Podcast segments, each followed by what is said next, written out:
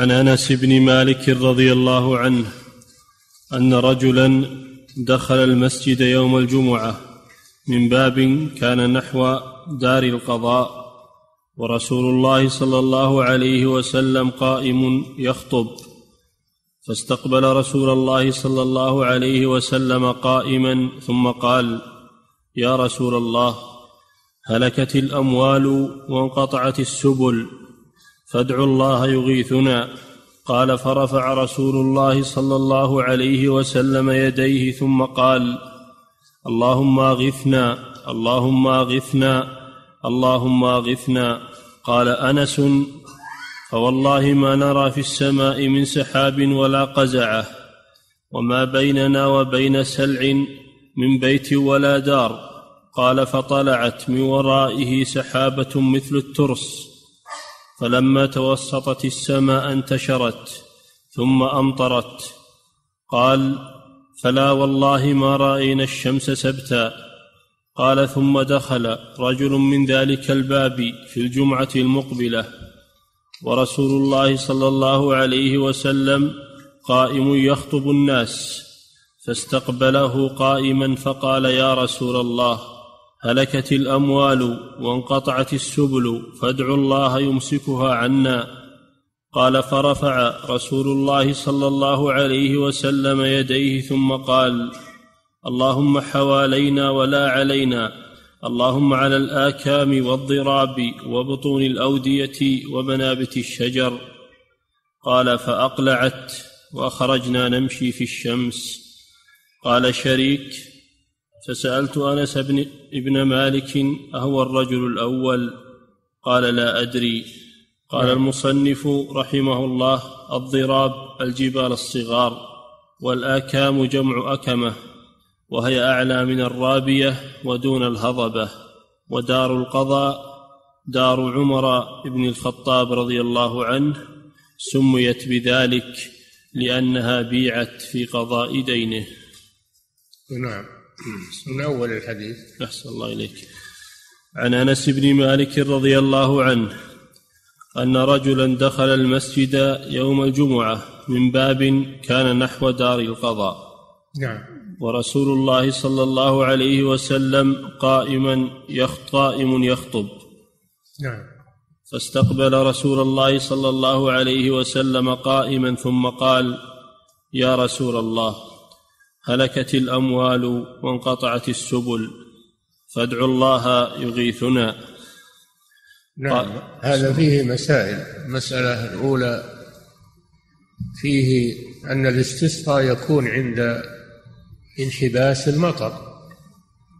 الاستسقاء يكون عند انحباس المطر. ثانيا فيه جواز تكليم الخطيب يوم الجمعة. للحاجة فإن هذا الرجل كلم النبي صلى الله عليه وسلم وهو يخطب. فلا يكون هذا داخلا في النهي عن الكلام والإمام يخطب؟ هذا مستثنى أن الإمام يكلم في الأمور المهمة ولا يكون هذا من الكلام والإمام يخطب. وثالثا فيه بيان نوع من أنواع الاستسقاء وهو الاستسقاء في خطبة الجمعة. والحديث الذي قبله الاستسقاء في صلاة الاستسقاء. وهذا وهذا استسقاء في خطبة الجمعة. وتكون صلاة الجمعة عوض عن صلاة الاستسقاء. وفيه مشروعية رفع اليدين في الدعاء للاستسقاء. حتى في خطبة الجمعة لأن رفع اليدين في خطبة الجمعة لا يشرع إلا في الاستسقاء. أما إذا دعا في الخطبة لغير الاستسقاء فإنه لا يرفع يديه. فهذا فيه دليل على أن دعاء الاستسقاء ترفع فيه الأيدي ولو كان في خطبة الجمعة. نعم. ثم قال يا رسول الله هلكت الأموال وانقطعت السبل فادعوا الله يغيثنا. هلكت الأموال بسبب عدم وجود المراعي.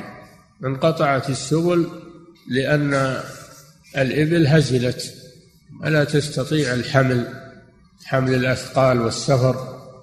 ولا شك أن السبل فيها مصالح للعباد في حمل تجاراتهم وأسفارهم. مواصلة بين البلدان. نعم. فادعوا الله يغيثنا.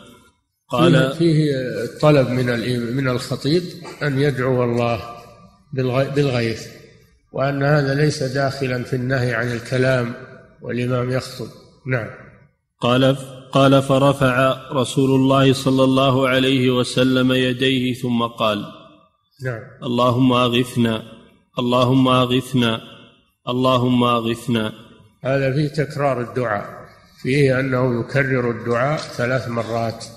ويقول اللهم اغثنا اللهم اغثنا اللهم اغثنا.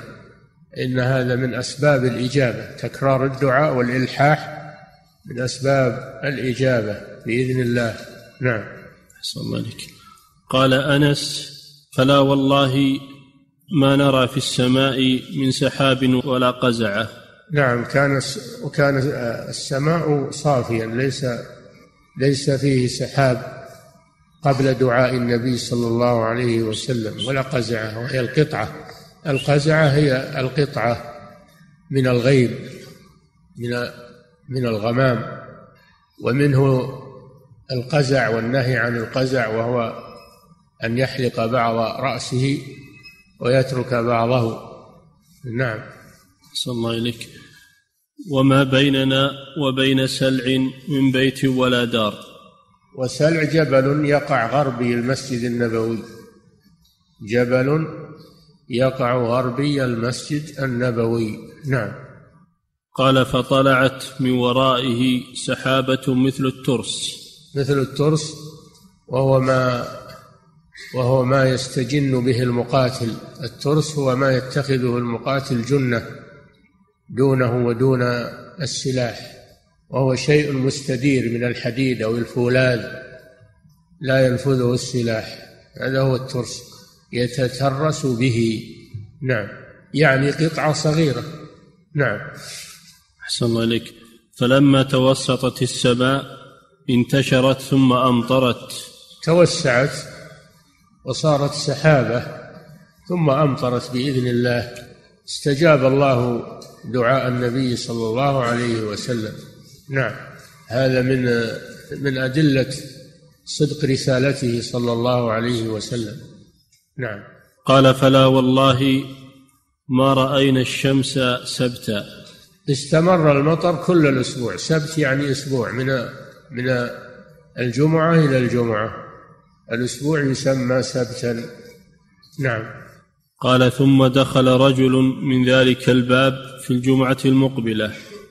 نعم. ورسول الله صلى الله عليه وسلم قائم يخطب الناس فاستقبله قائما فقال يا رسول الله نعم. هلكت الأموال وانقطعت السبل فادعوا الله يمسكها عنا.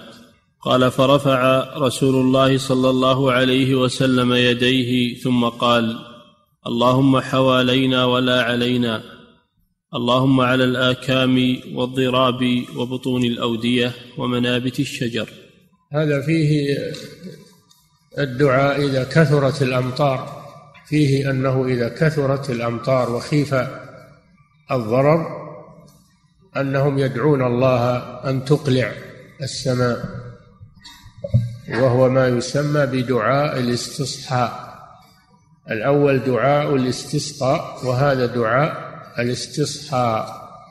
ففيه مشروعية الدعاء إذا كثرت الأمطار وخيف الضرر أنهم يدعون بإقلاع السماء عن المطر وطلوع الشمس لأن المطر حبسهم عن مصالحهم لأن استمرار المطر حبسهم عن مصالحهم. وهذا فيه دليل على ضعف العباد. أن الدليل على ضعف العباد وحاجتهم إلى الله سبحانه وتعالى وفقرهم إلى الله عز وجل. إن انقطع المطر احتاجوا وإن زاد المطر ضرهم. ففيه حاجة العباد إلى الله عز وجل. وفيه طلب الدعاء من الرجل الصالح.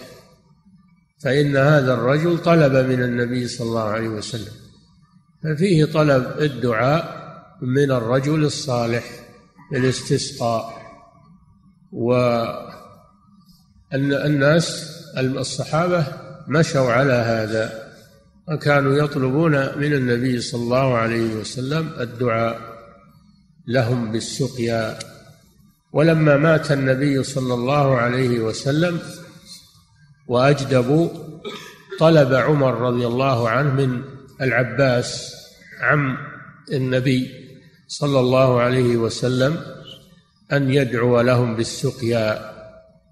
وقال اللهم إنا كنا نستشفع إليك بنبيك محمد صلى الله عليه وسلم فتسقينا وإننا نستشفع إليك بعم نبينا فاسقنا. قم يا عباس فادعو فدعا العباس رضي الله عنه.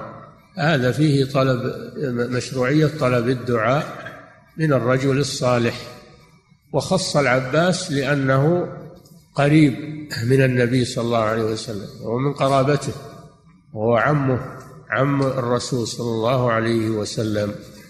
مع صلاحه وقربه من النبي صلى الله عليه وسلم ففيه طلب الدعاء من الرجل الفاضل.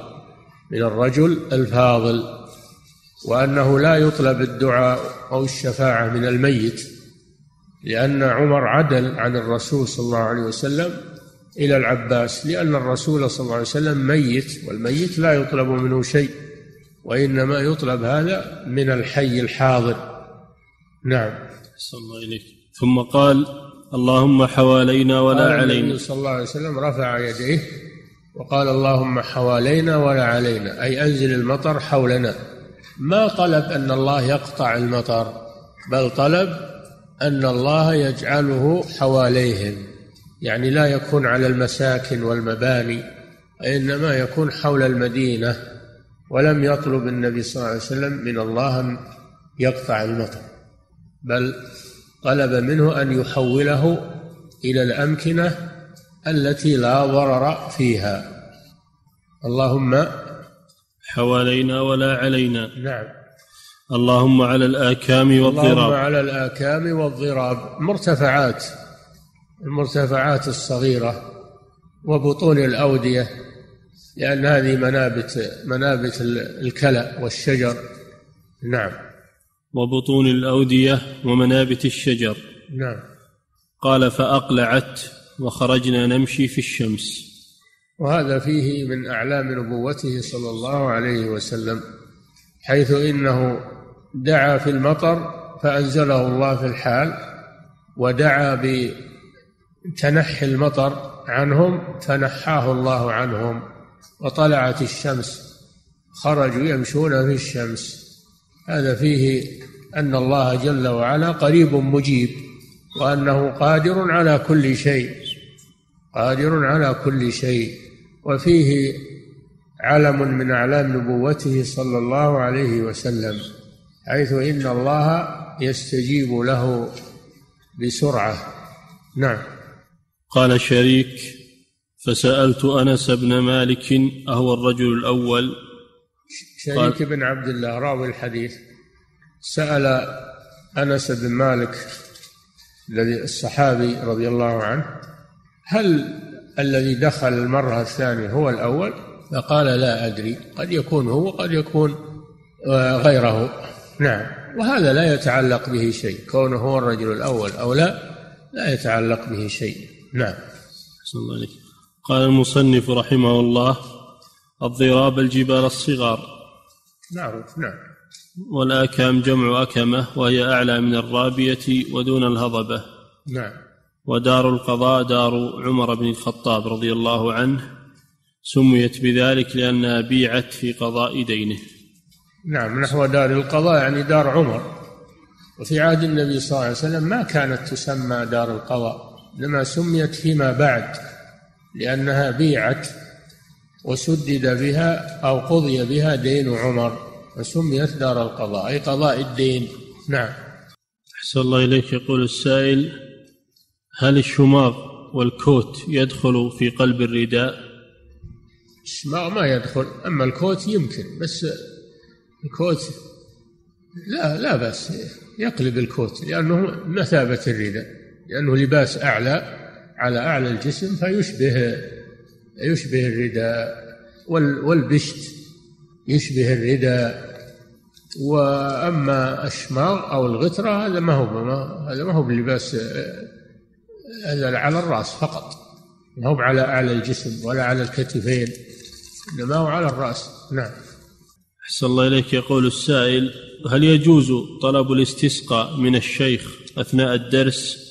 وهل الآن يجوز الاستسقاء بأهل بيته صلى الله عليه وسلم استدلالا بفعل عمر بن الخطاب؟ يطلب الدعاء من الصالحين سواء من قرابة الرسول صلى الله عليه وسلم أو من غيره. كل رجل فيه صلاح وتقى فإنه يطلب منه الدعاء. نعم. فضيلة الشيخ يقول السائل عندنا في مصر إذا زاد منسوب نهر النيل هل يشرع لنا صلاة هل يشرع لنا صلاة الاستسقاء؟ وهذا يؤدي إلى موت تلك السنة؟ إذا إيش؟ يقول عندنا في مصر إذا زاد منسوب نهر النيل. اللي يسمونه الفيضان. نعم. هل يشرع لنا صلاة الاستسقاء؟ وهذا يؤدي إلى موت تلك السنة. هذا ما يشرع صلاة الاستسقاء يشرع صلاة يشرع الدعاء يشرع الدعاء بأن يرفع الله المطر عن فروع الوادي. لأن الوادي يأتي من من فروع. ينزل عليها المطر في الشتاء ويتجمد. فإذا جاء الصيف ذابت هذه الثلوج ثم جاءت مع الوادي النهر فإذا زاد منسوبه يدعون الله بأن بأن يرفع المطر عن فروع وادي النيل. نعم. فضيلة الشيخ يقول السائل هل يقلب الرداء حتى يرجع إلى بيته أم وقت الدعاء فقط؟ ذكر الفقهاء أنه يتركه إلى أن يرجع إلى إلى بيته إلى أن يخلعه يتركه مقلوبا إلى أن يخلعه. نعم. أحسن الله إليك. بعض الناس يقول السائل بعض الناس هداهم الله يقولون لو أنكم لم تصلوا لمطرنا فما فما الحكم في ذلك؟ هذا مثل السؤال الأول هذا عنده قنوط من رحمة الله وعنده احتقار للصلاة. وهذه كلمة خطيرة جدا عليه أن يتوب إلى الله عز وجل. نعم. فضيلة الشيخ يقول السائل هل من الخطأ ما يفعله الناس الآن من قلب المشلح أو الشماغ لأن الوارد قلب الرداء؟ سمعت هذا من مدرس الفقه في مدرستنا. هل كلامه صحيح؟ لا كلامه صحيح. يقلب البشت مثل ما يقلب الرداء لأن البشت بمثابة الرداء والكوت بمثابة الرداء فيقلب الرداء أو ما يقوم مقامه. نعم.